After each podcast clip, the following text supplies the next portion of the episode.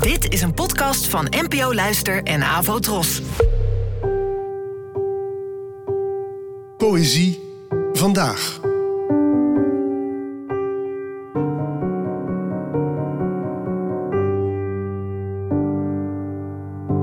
Hallo, dankjewel dat je luistert. Vandaag een gedicht van Rob van Essen. Die werd geboren in 1963. Wat leuk dat jullie even komen kijken. Hier komt de zithoek. En langs die muur hadden we de boekenkast gedacht. Want ja, we hebben nog boeken, haha. Hier de eethoek en daar komt oorlog. En die hele achterwand wordt een schuifpui. Dan kunnen we bij mooi weer zo het terras op. De gang, ja, dat is een heel verhaal. Die hadden de vorige bewoners bij de kamer getrokken, maar wij hebben dat weer ongedaan gemaakt. Een gang vonden we toch wel handig. Daar komen kasten bijvoorbeeld, een oorlog en daar de kapstok. Wil je boven nog zien?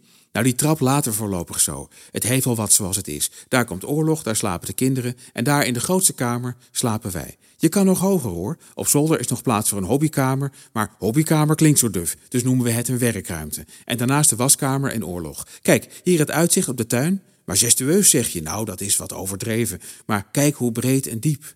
Wat kan je daar niet allemaal mee doen? Daar links misschien een moestuin, daarnaast komt oorlog en daarachter is dan ruimte voor een zwembad. Maar we weten nog niet zeker of dat doorgaat. De filosoof Bertrand Russell heeft gezegd: Het geheim van het geluk schuilt in de aanvaarding van het feit dat de wereld gruwelijk, gruwelijk, gruwelijk is. Als het goed is, realiseert iedereen zich af en toe dat de meeste van onze dilemma's en problemen nogal luxueus zijn, vergeleken met wat mensen in de brandhaarden van de wereld moeten meemaken. Dit gedicht lijkt daar in elk geval op aan te koersen. Wat is er aan de hand? Je komt voor het eerst kijken in het prachtige huis dat je vrienden, dat wil zeggen mensen die je zo aardig vindt, dat je wederzijds probeert om een flagrant verschil in financiële armslag niet te zeer tussen beiden te laten komen, pas hebben betrokken.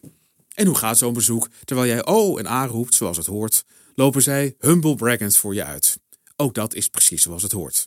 Maar er is iets dat stoort. Een woord dat het gedicht is binnengeslopen als een rat in een spouwmuur. Het woord duikt steeds weer op als je het niet verwacht, als een kleine verhuisdoos of een groot stuk speelgoed waar je bijna over struikelt. Wat je probeert te verhullen door net te doen of het niet gebeurd is, zoals de dichter ook lijkt te doen met het woord oorlog, dat op een Gilles de la Tourette-achtige wijze door het gedicht heen is gevlochten. Maar welke oorlog? Een oorlog die hier ooit was? Als het huis bijvoorbeeld ooit de woning van een nazi-kopstuk in de Utrechtse binnenstad was, of juist het huis waaruit een Joods gezin werd gedeporteerd? De emotionele oorlog tussen jou en je noem het maar vrienden met het paradijselijke huis? De stille relationele oorlog tussen de vrienden zelf, die het vertrek uit het huis alweer aankondigt voor ze goed en wel hun intrek hebben genomen? De oorlog die hier nu had kunnen zijn, al is hij er niet, maar gaat bestaan zodra je hem benoemt. Alleen al omdat er nog geen honderd kilometer verderop vluchtelingen worden opgevangen onder mensonterende omstandigheden. Terwijl jij zit te mijmeren welk formaat zwembad je eens in de tuin zult laten aanleggen. Of al die oorlogen elders in de wereld, die er eenmaal altijd zullen zijn. Hoeveel hobbykamers, zwembaden en schuifpuien we ook bezitten. Bedankt voor het luisteren en tot de volgende keer. Afro Tros, de omroep voor ons.